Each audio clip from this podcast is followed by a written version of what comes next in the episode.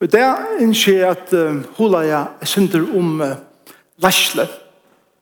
Og det som jeg har gjort uh, hos mange uh, sørste sonde jeg nærmere enn jeg har steg på talersålen her, så er det jeg har ikke kattet det taler bare nær, så jeg har kattet det hula engang om ting som er, som nå tar jeg kommet her til, etter 39 år, ur mina lenta starve her, så er det nekvar hula engang som er gjerri mer i tanken om og hugsa om hver ting er det som er innsjekker som er ikke dent av, hver ting er det som jeg har reflekteret i med egna liv, som jeg har yngst, er det gjør det bedre.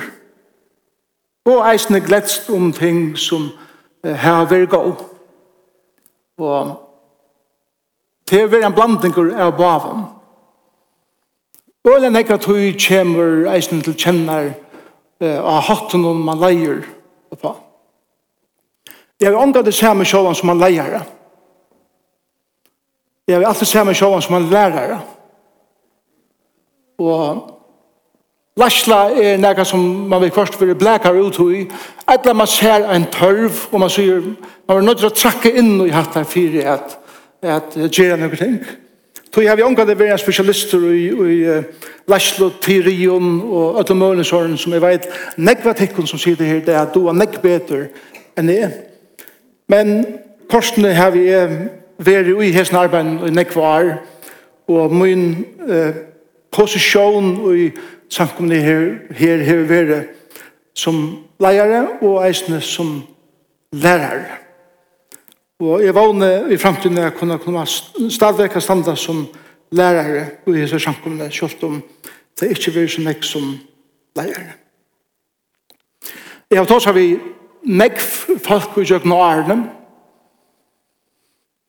Og da er vi der kommet inn og evne lasla, særlig samkommet et eller det som vi kallar for andalig lasla, så er det vel en ek som har sagt vi med, det har vært en eldste, eller det har vært en andalig leiere, det har vært i aldri. Og i korset har jeg sagt innan henne, Amen. Men Og tog fekk av vår skreiver.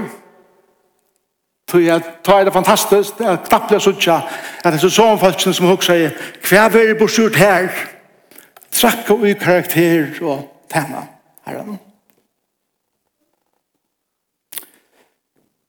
Ta man så spyr langer inn, hva sier du at ta vi ta seg om andalega læsle, om å være leier i en eller den eldste i en samkommet, hva er du så sjåd, eller sjådur, jeg sverre, at det er ikke nægget for meg, at det er andalet arbeid, det er ikke nægget for meg. Da jeg så spyr jeg langer inn til det, så kommer man ofte ned til chatten der, kan man heldre at man ikke er andalig nok. Det er akkurat som det er grunnen kjent. Jeg er ikke andalig nok, jeg kjenner ikke bøyblene vel.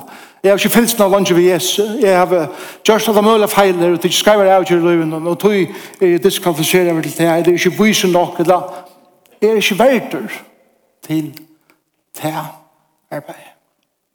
Så må man helter at man sitter videre seg selv og i andre den arbeidet. Til Herren som sitter videre bak.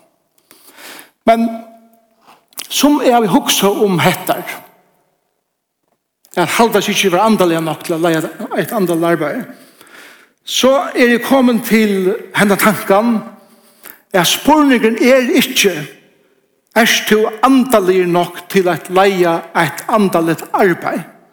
Til den skreive spurningen er spyrja, særlig at jeg vet ikke at løyve Jesus her som leiare. Og den rette spurningen er spyrja, og i en andalig arbeid er spurningen, er jeg menneskelig nok til at leia menneske? Til den rette spurningen er spyrja, er jeg menneskelig nok til at leia menneskjum. Og i konteksten av en såkallar andalig arbeid. Vi tar seg nekka leia, om å leie andalig, vi tar seg nekka om å leie som Jesus. Men hugsa det kun hendan uh, teologiska sannleikan. Er god feiren sendte sin godomlige son nir til gjerrar at gjeras eit menneska. Vi tog for eia at leia menneska til færen. Tykker du meg? God kunne jeg bare ha stort fra himmelen og sagt at jeg ordner bare alt herfra og, og, og jeg velger ut akkurat som jeg vil og så er det i deg. Men han valgte å sende sin goddomlige son som er god 100 prosent at her går også formen som Paulus tar seg om i Filipperen kapittel 2 som en menneske og han gjør dess menneske enn så vidt og er 100% menneske enn så vidt og så tar seg Paulus om han gjør dess lantenere som bakte seg så mye lagt at han døye av krossen for mennesker vi tror for eia at leia mennesker til ferien Vi er og i vandanon fyri er bliva så og menneskelige antallig. Jeg vil leia folk ikkje til færgen. Vi er vandanon fyri er bliva så og menneskelige antallig. Jeg vil leia folk og vil halte jeg vil leia deg inn i antallige tilstander og nærfærgen men sannleggen er tann at vi leia deg at leia deg Andelig lasta kan bli så godlig at vi missa samband vi mennesker. Som vi hørte om en talare, han, han, han troppa jo opp sunne morgon talar sånn og så får han atter om sen natter, og han troppa ikke opp for neste sunne natter, og ikke sa han. Og da han spurte han, hva er talaren kjøkken vikna? Og ta var jo han er ferdig til himmels for jeg samar seg mer godkotten til neste sunne dag. Men det er ikke okkar kall. Okkar kall er å være mennesker som leia mennesker. Og Jesus er det var ei kjent at av hesson at Jesus trakka inn i sånne omstår som mennesker. og dro mennesker til sånn som han søgn kunne teka til færen og leia til han. Da jeg husker om Jesus, så gav Jesus her tøy til en einstaka. Han tar seg ikke bare til fjøldenar, han gav seg tøy at stegge av og spri inn. Og han myntes nøvn. Han glemte ikke søvner som folk fortalte om tvei år settene så spurte han stadigvæk inn. Han er åhua og i tøy einsteka. Jesus var svenker Jesus var tester. Jesus var deia trøytter stundum. Vi kan si, jeg skal ikke, at let dere trekje oss unna synder, og lad dere fære på seg fra, så vi kunne kvila. Som jeg av dere er så deia trøyt av at tjene gode og i samkomne her, så vi er alle tøyene ånd, og vi taler av tjene Jesus, men Jesus sier, Jeg vil omkant det kattlet til til å struja så strevas for meg. Jeg vil kattlet det til å arbeide hver bira min er løtt og åk mot det gagnet. Og sabbateren er til å kvila og til å takka tøy å kvila. Forresten, Jesus var eisen i over. Og jeg var ikke, jeg, jeg hørte mange talere som talere til jeg var unger, og, og selv om det ikke var sagt beinleis, så fikk man dette her i seg at Vi så sikvande som er unga det var over. Vi gjør noe rundt om unga du leta leka vera komme ut som du føler ta i to føler ta ordet først. Jesus var over og i med støven om her som tar bruk for det var over. Det er ikke synd at hava kjenslen av å være over. Synden kommer inn ta i to erst over, skreivan hatt og du slær fra der og du ser han menneske. Jesus var kjetter. Jesus græt. En eldste jo en samkomme. Hevet han naturligt ui seg Jeg føler vi gjør øren. Et menneske som er et menneske. Og som løyver seg sjåven å føler Hever samkjensler. Hever vi gjør mennesker. Og teker seg tøy til å trakke inn i omstående av gjøre mennesken og føle vi teimen. Jesus be, han brukte tøy ved ferden. Jesus gav falsk rom. Han foranket det inn og ratta i beina ved. Han gav dem en tøy og rom er finna hans hjerte. Og han kravde det skulle brøytast. Han heter mål. Han mål. Som lykka mykje hver andre rundt og at, er beina til malet, så var han knivskarspur av hver han tjekk. Og han sier, min lei gonger imot Jerusalem, ut av Golgata, for jeg skal fullfra til verset som jeg har gjørst. Og en leiare som leier mennesker, stender øyla fastur i Jesus at hette, hette det som vi kjenner, at Herren leier okken, Og lyga mykje hva folk halda og hva meiningar er, så stendra en lesle eller stersk i Jesus at vi vid vita hver vi innskje at leia samkomne. Og Jesus tala i sannleikan. Han var ikke benje fyrir a sia som er.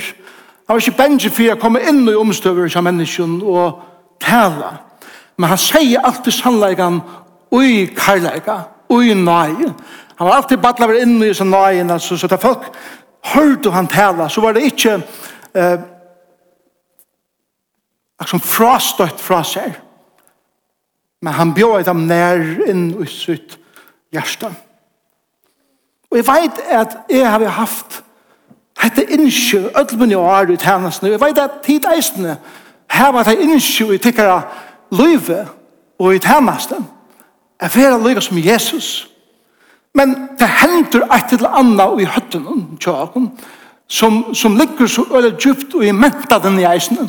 Ikke bare i mentet den tjøkken i førjen, men hele tiden eh alla sånne som er färdes som er suche eh, folk rena fyllas vi har herran så er det så utrolig neck fra en osunnare sjukare andalige mentan som vi på andre måte har gjort til andalighet men som er alt annet enn andaligt.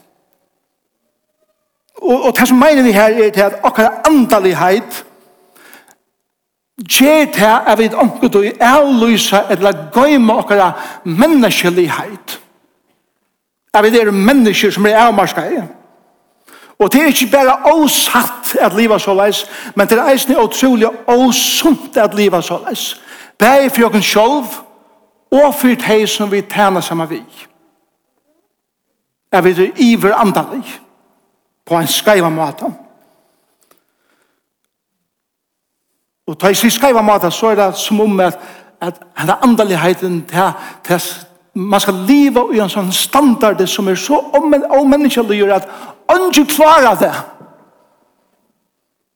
Og hese standarden fyrir hese omenneskjallige andaligheitene gjer at det er så negv tryggvann i det som sier jeg orsk ikke andalige livet. Jeg orsker ikke det kristne livet. Til det klarer ikke livet opp til den standarden som en gav setter. Og andaligheten gjør til at vi ser det orealistiske standarder som Bibelen eller Jesus Kristus eller fer ångan hiver sett og kunne livet etter. Peter var en, en maver som så var det nutcher i sin eldsik. Han var unger. Og, og han heier sånn det her, som, som ungdommer hever, at jeg var øyelig passionerer. Og, og Peter var alltid han som tala i fyrst, hvis han spurte. Han var, han var han er irriterende typen, det kjenner dere. At onkur spyr en spurning, og han er fyrst okkar fingeren opp. Eller onkur sier et eller annet, han er den fyrste jeg sværa til. Ja Og til vet at hvis denne personen er i rommet, så er det akkurat bare samme bare tida, du vet. Jeg får ikke år for, for hånden til henne lykka vel. Peter var sindert han typen. Og så spyr Jesus henne for henne spørningen til der er i Kisteria Filippi, og han sier vi der, til hva sier mennesker, disse menneskene til sitter her, med vera. Peter han løper frem henne. Og han sier, Du er Kristus, soner hins livande gods». Og Peter skåra i et tølte her. Det var det. Mm. Hukk vi hinna der, sånn der. Og hinna der, sånn der. Vi får ikke over for det lykka. Og han hever det fantastiske, ja, det tar jeg sier nega, så er sjålt Jesus imponerer over alt som jeg sier. Fantastisk det blir det. Alt suger opp til munn. Alt hitje etter hvordan andalere. Alt suger mine røtte, uh, svær, mine røtte svær til spurningene og så videre. Men han var unger enn. Og Kristus har enn ikke brått til ham. Paulus, herre til måter, Ta han kommer til trygg for Jesus, ta hever han langt og være ui en forhold ved god nok så. Han var fariser. han var velærter, han kjente gamle som hente utanhet. Han kunne sikkert sitere det etter etter. Og han held seg være utrolig andalig da han sier at jeg skal sier fyrir at samkomman endar. Endar Og jeg så sikker for at alle som falsk som kallas kristen skulle være blæra i fangsel eller beinde av vennen. Og han møter Jesus av vennen til Damaskus som kommer inn i hans liv og totalt brøyder. Måner av Paulus og Petri er til at Petri spilder nødgjør, han er sventru i sin her, men Paulus er gammal i hesson, og han er endelig kommende her til livet, for han føler at han blir sett i fralse fra hese sjuk og antalligheten som er kjent hans liv, som var bunden av reglene og, og, og tingene å gjøre, og avrikene. Og første feriene som Paulus gjør, og, og Barnabas færa eh, av misjonsfyr saman. Kommer da til en by som er Rikonium, som ligger i det er ved av Torskynum. Og da kommer inn i byen, og folk i byen ser det gjør under, og høyre båskapen, Og det er så mye populære i byen her, at folk begynner å halda at her er og godar. Hvis det var Peter, så har jeg sagt, yes, Men Paulus, han sverar at han såleis. Han sier såleis i Apostelsen 14, vers 15, som er respons til at her er folk vil tilbe der. Her sier der, eller Paulus sier, eisende videre menneske, under samme kåren som tid. Er det vi? Han har åsende andaligheten trivest ui av å lytte opp. Men det som hender er til at jeg ser dem i et sted som ikke hører hjemme. Bære god, Høyre hjemme her, jeg vil tilbyen. Men som jeg og hun som er super superandalig, elsker til at folk holder på meg, meg andalig. Men Paulus faller ikke ut det. Han sier, min andalighet er definert av hvordan vel er du er skilja at det er et ærmarska menneske som tjener godt. Og det gjør det Paulus til ta mannen som han var og som han blei. Nekva farligheter vi er vera iver andalig på den skrepa måten. Da jeg ikke av mine egne lærsle og i samkomne her på 20 årene, kan kanskje særlig til første årene, så sutt jeg øyne nekv av tog Peter kjente og i mine lasle og som er eisen du er suttja ui falske som vilje eller gjerne som har rett hjärsta men allikevel kjem det skreft ut og man ser nek folk jeg reflekterer over noen ting som jeg kan si jeg gjør det skreft som en unge leier i samkomne her. Og som har haft avleiingar som er kjeligere eisne fyrir meg sjálfa. Ein er hettar, og som er eisne eh, sagt fyrir leirar som, er, som er og andalir, og gløyma sånne menneskelighet, er at de brenna så nekv, at de brenna under av, og brenna seg sjálfa ut,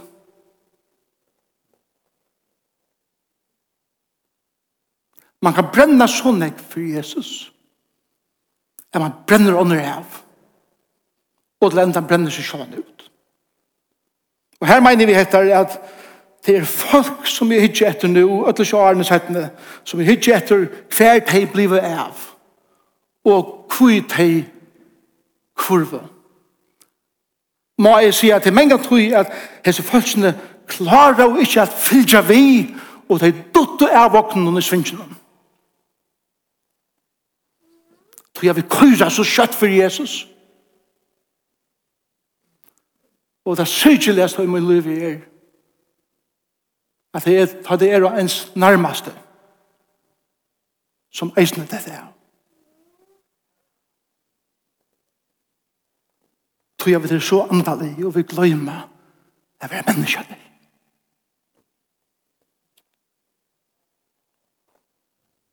At andre er at idealismen er så stor at realismen tjekkar ut.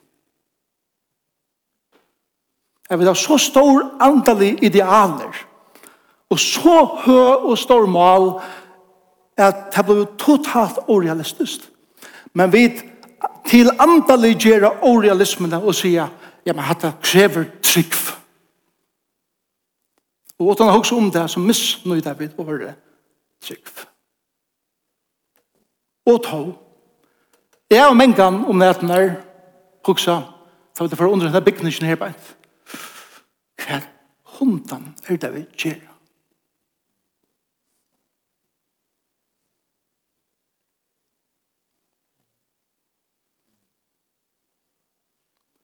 Og jeg vet at det er flere mer som også det samme.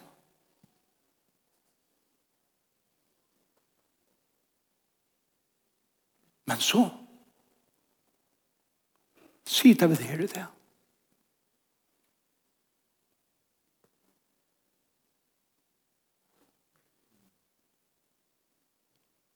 Og jeg prøys herren for det. Men til vatt av så nekken økjøn er så ikke tingene så ideelt jeg vil glemme, jeg vil hava vi veldig mennesker å gjøre så idealisme hver realismen tjekker ut kan de heva og troligere, futsaligere avlæringar av mennesker. Det kan torska deg opp for i orsko. Og det kan stjæla alt det her tog.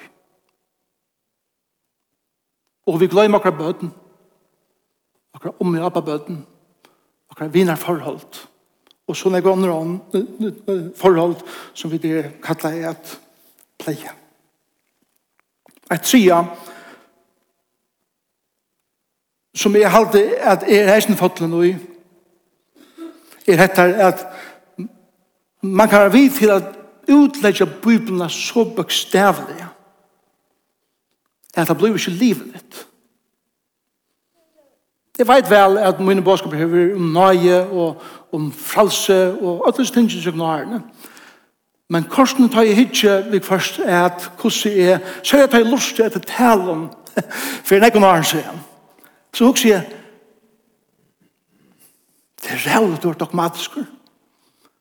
Det er øyelig du er sikker på at påskapet som du taler. Men som jeg var fra tvørere, ringte jeg for timen.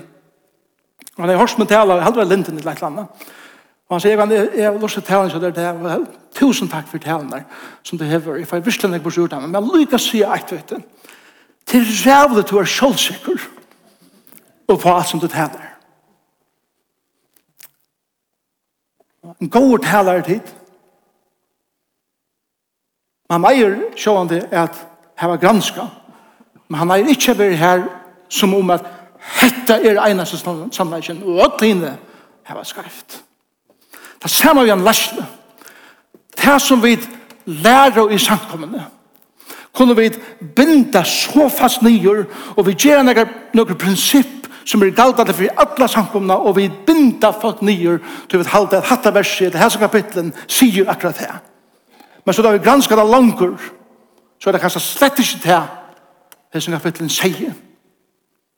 Og tog har vi som leier bruk for er vi kjenner vi først er vi skreiver og skreiver til som vi lærer og vi har bruk for det jeg finner vi. At andre er til å så andalig er vi skapa en stora djekv i middelen okken og samkommene. det er nok så stort litt eh, da er vi først fra hjemme vidje folk eller varsla fra hjemme vidje folk så er det varsla han på besøk. Og første tanken, tanken til folk er hva har vi ennå gjort skjæle? Jeg kan kjønner vidje eller varsla han kjønner vidje Og man får leite registeren om hva har vi sagt, hva har vi gjort, hva har vi vært, og så videre. Etter også man, har vi noen sjuke som ikke vet at de har vi hent? Så jeg vet at bøtten har eh, observeret meg som en mann, da jeg er kommet inn i et hus, og foreldrene kan strøyes og er sjuke og så videre, at en av så ferien jeg inn i kjøtt heimann, er at jeg anker er alvorlig sjuker. Så bøttene kjenner meg som tar mannen som kommer av vidtja, da jeg okker seg rymmer galt. Og til en stor byra for jeg okker vi lærsle er byra. Men så er eisen og amen om at vi eier av vidtja mer enn bæra da jeg det stender ytla til.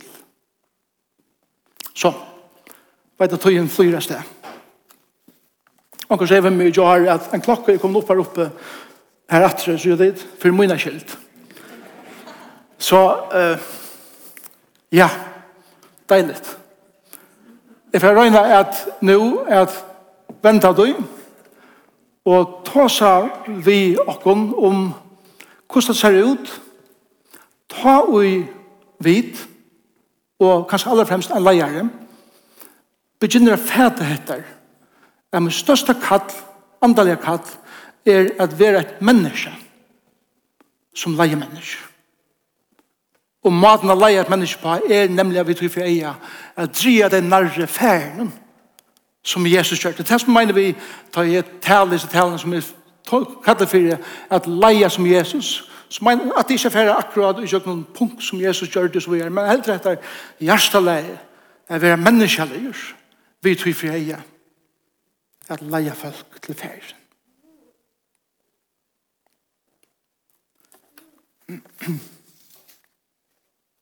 Andalig lærsla som er menneskelig. En lærsla som er menneskelig, andalig menneskelig, er en lærsla for å bruke myndene som er ett bein i himmelen og ett bein av jøren. og særlig i grannaleven her som sank man er. Vi gjør når han, det som er lærsla, eier det eikjennes det av. Og det lærer det fra Apostelsund kapittel 6 ta ut her klantor mellom kvinnerne og i samkommende om eller enkjene i samkommende om hvor fikk meir. Og lærersene sier la dere organisere konsoles at disse folkene kunne være jant bort og tog det få. Og vi skulle halve dere til året og bønner vi, var noen, vi skulle halve dere til etter at høyre hva det er som Herren sier vi dere som samkommene at høyre andres rødt tala og høyre Hvor er veveren vi skulle genka? Hvor er det røtte avgjørende vi skulle teka? Men ter avgjørende vi tikkner, og i ljøsen av hvordan vel kjenner vi grannaleie her som vi byggva. Hvordan vel kjenner vi folken som vi tjener. Hvordan vel kjenner vi tørvene som de strøyest vi i livet.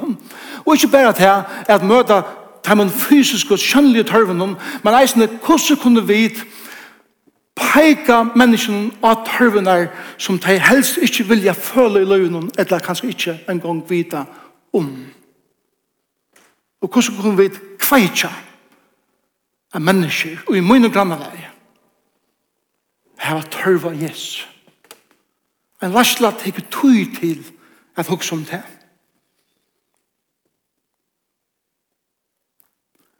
En god varsla som organiserer taling fra talersalen. prædikar ikkje så hø andalig krøv at vi djevas av være menneska. Nek ung som jeg tar seg vid det. Og jeg sier det jo han jæsne. Men sikkert så sier det ung. Og jeg spyr deg, hvor gavst du at fylses vi Jesus? Hvor gavst du at gengur i samkomne er som du gonger? Og Sverige er veldig ofte etter, tror at krøvene er så høy, forvantningene av hvordan jeg skal være perfekter, er så store, at jeg klarer det bare simpelthen ikke. Og det tjekker ut. Og til maten vi tolker Bibelen på mennesken, som gjør det å livet ditt. En menneskelig lærsland, hever en greie visjon som er realistisk og imon til penger og tog i orsk og tja mennesken. Ja, til tog tøyer så trusht vi da, så jeg vil ha eisen alle da, at Herren, jeg hadde vært, man kan si det hvem mye, gjør, at i luftene så, så har vi XL-arsk, for råkningskap og så videre, men vi må skapa et XL-ark som eisen hever en, en punkt, et øde, hva man sier, trygg,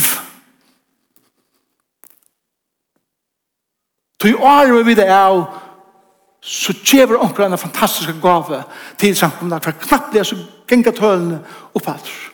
Men stadig skulle vi være realistisk. Jesus underviser til og i Lukas 18 om at vi kunne svære gang ved å bygge et tårn, og så knapplega, og i halvun jetje, så stendte det her, og til skam for det som vi får gang ved. Så tar man vara, tar man vara sjökn och huxa.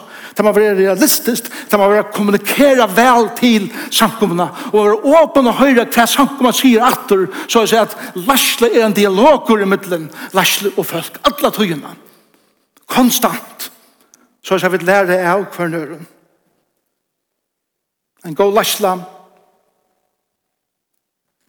Genga ikkje så avskåren fra sankumene, eller så lengt framme for sankumene, at samkommene teget hei feil for å være futsindan. Som av samkommer er Læsland alls ikkje skjønnelig. Og folk også, hver er leier her? Hva gjør vi? Hva er vi færa vi? Hva er det som det vilja vi? Etla Læsland kunne være så lengt framme for. Jeg folk kallt det, er det tid for okkara leiarer, eller er til okkara fudgjendar, som innskjer okkum, eller som er lyga sel vi okkum. En leisla kjenner fylgje vi navnet. Jeg vet at tro på den store sankumme, men jeg glemmer omgang til en professor som er at alle seminarier, som er 2000 nærmere. Og første dagen da jeg kom i skolen i, i Dallas Seminary, så hitt jeg eh, Dr. Zuk, Og Dr. Suk sier med, Hello, Jekvan. How are you doing? And how is on, by the way? Jeg har omgått hitt han før. Han kjente nøvnene til ødlun nærmengen under skolan og nøvnene til ødlun mekenen. En sankum lasla eier jeg kjenne nøvnene til ødlun som genga ui sankumene. Eier jeg vil kjenne en åhua. En sunn menneskelig sankum lasla eier seter folk i fralse at tema. I fralse at tema. Det er sier det samme som at Læsland styrer ikke hvordan folk tema. Hon er vi og ikke folk tema. Men han løyver folk som som tæka og arbeider i samkomne at tema at han hatt som herren og skrua til saman vi tar personlighet og vi tar gaven. Og Læsland ganger at han fyrir stola deg og oppmuntra deg til å gjøre sutt versk fyrir herren en lasla som er menneskelig tårer å teka og hever dyrve at teka avgjerer og vinna øttan hon fyrir feilen og fyrir meiningun tja ötlun som vil leia. Hetta er liga setningur. En lasla må heva tjukka hu men varvaida et blett hjärsta. Vi må tåla nekve motdrøkken, vi må tåla nekve spurningar, vi må tåla nekve ivamal. Vi Men många kan bli barsk, for många kan bli lyga seg, for många kan ha et hjärsta som hever høye imot mennesken, som kunne være og trolig irriterende. Men var det at hjärsta som er bleit? En lesla som er menneskelig granska skriften der.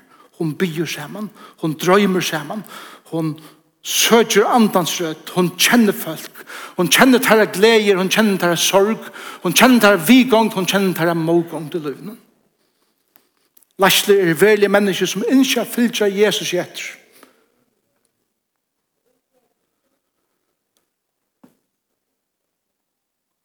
Og som ikke er klar.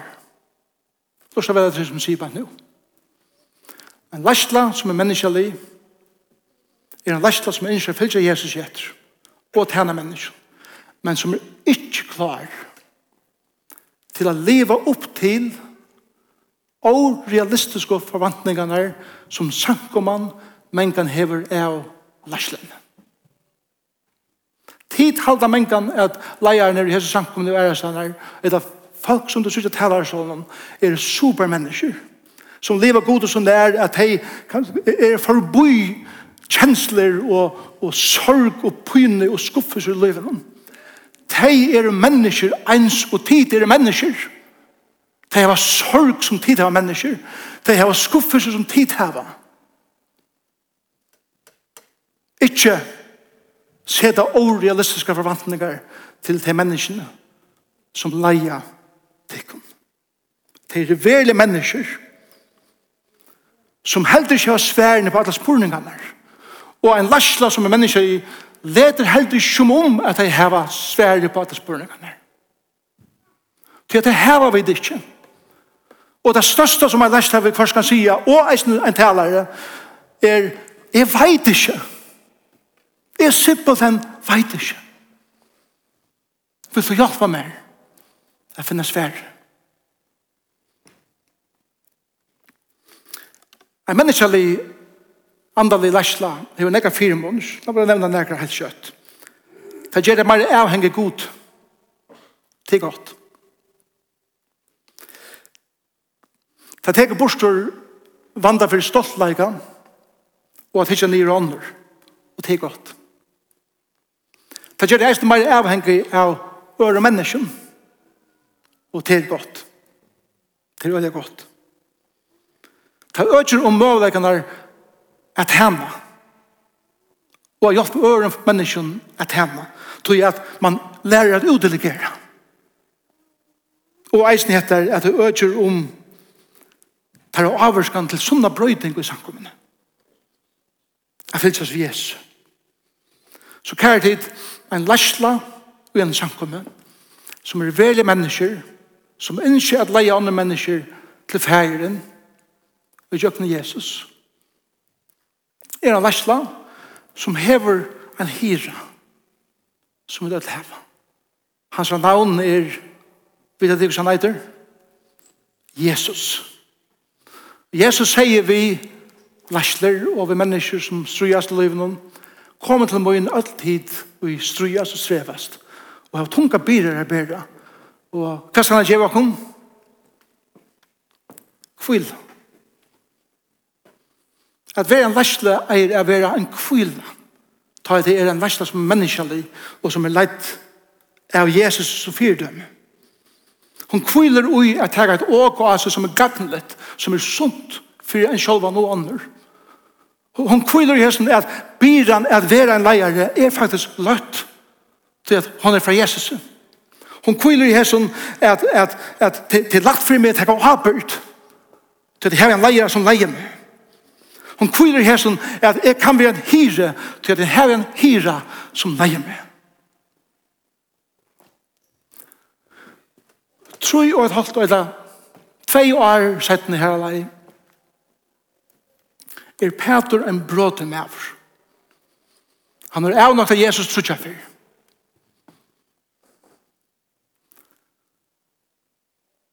Og først og fremst her Jesus at han er vanta seg en ordentlig skåle fra honom, til han var så avandelig.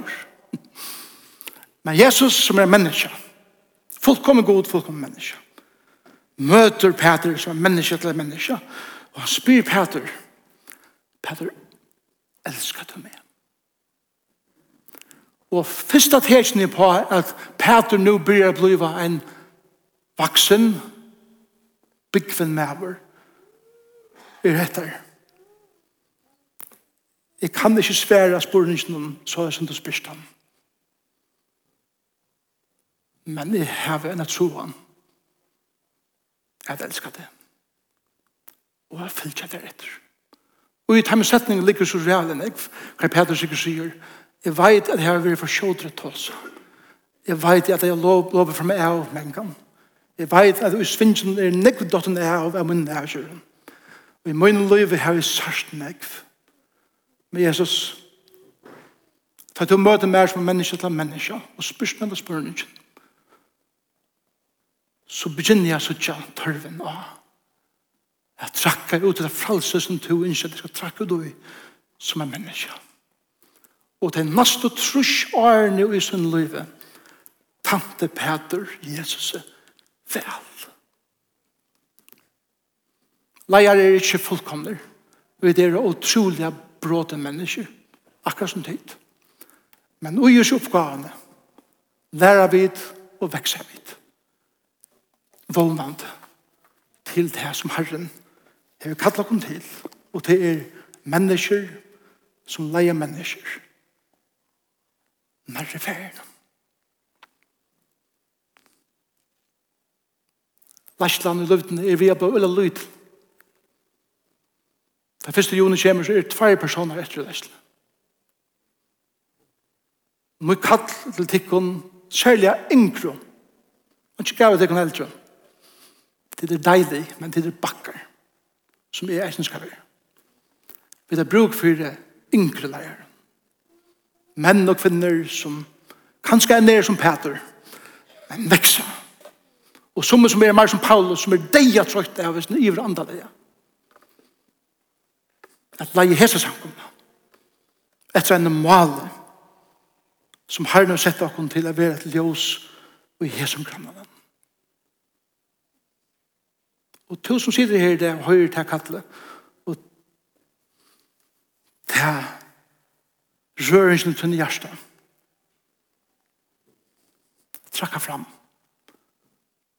Se det i samband vi omkran som er i lærstene og sier Om det mangler folk, så er de her. Vi leiter ikke til leier av typen. Vi leiter ikke til folk vi lærsler titlen. Faktisk er det ofte vi først er aller ringast. Men det gjør vi leisene.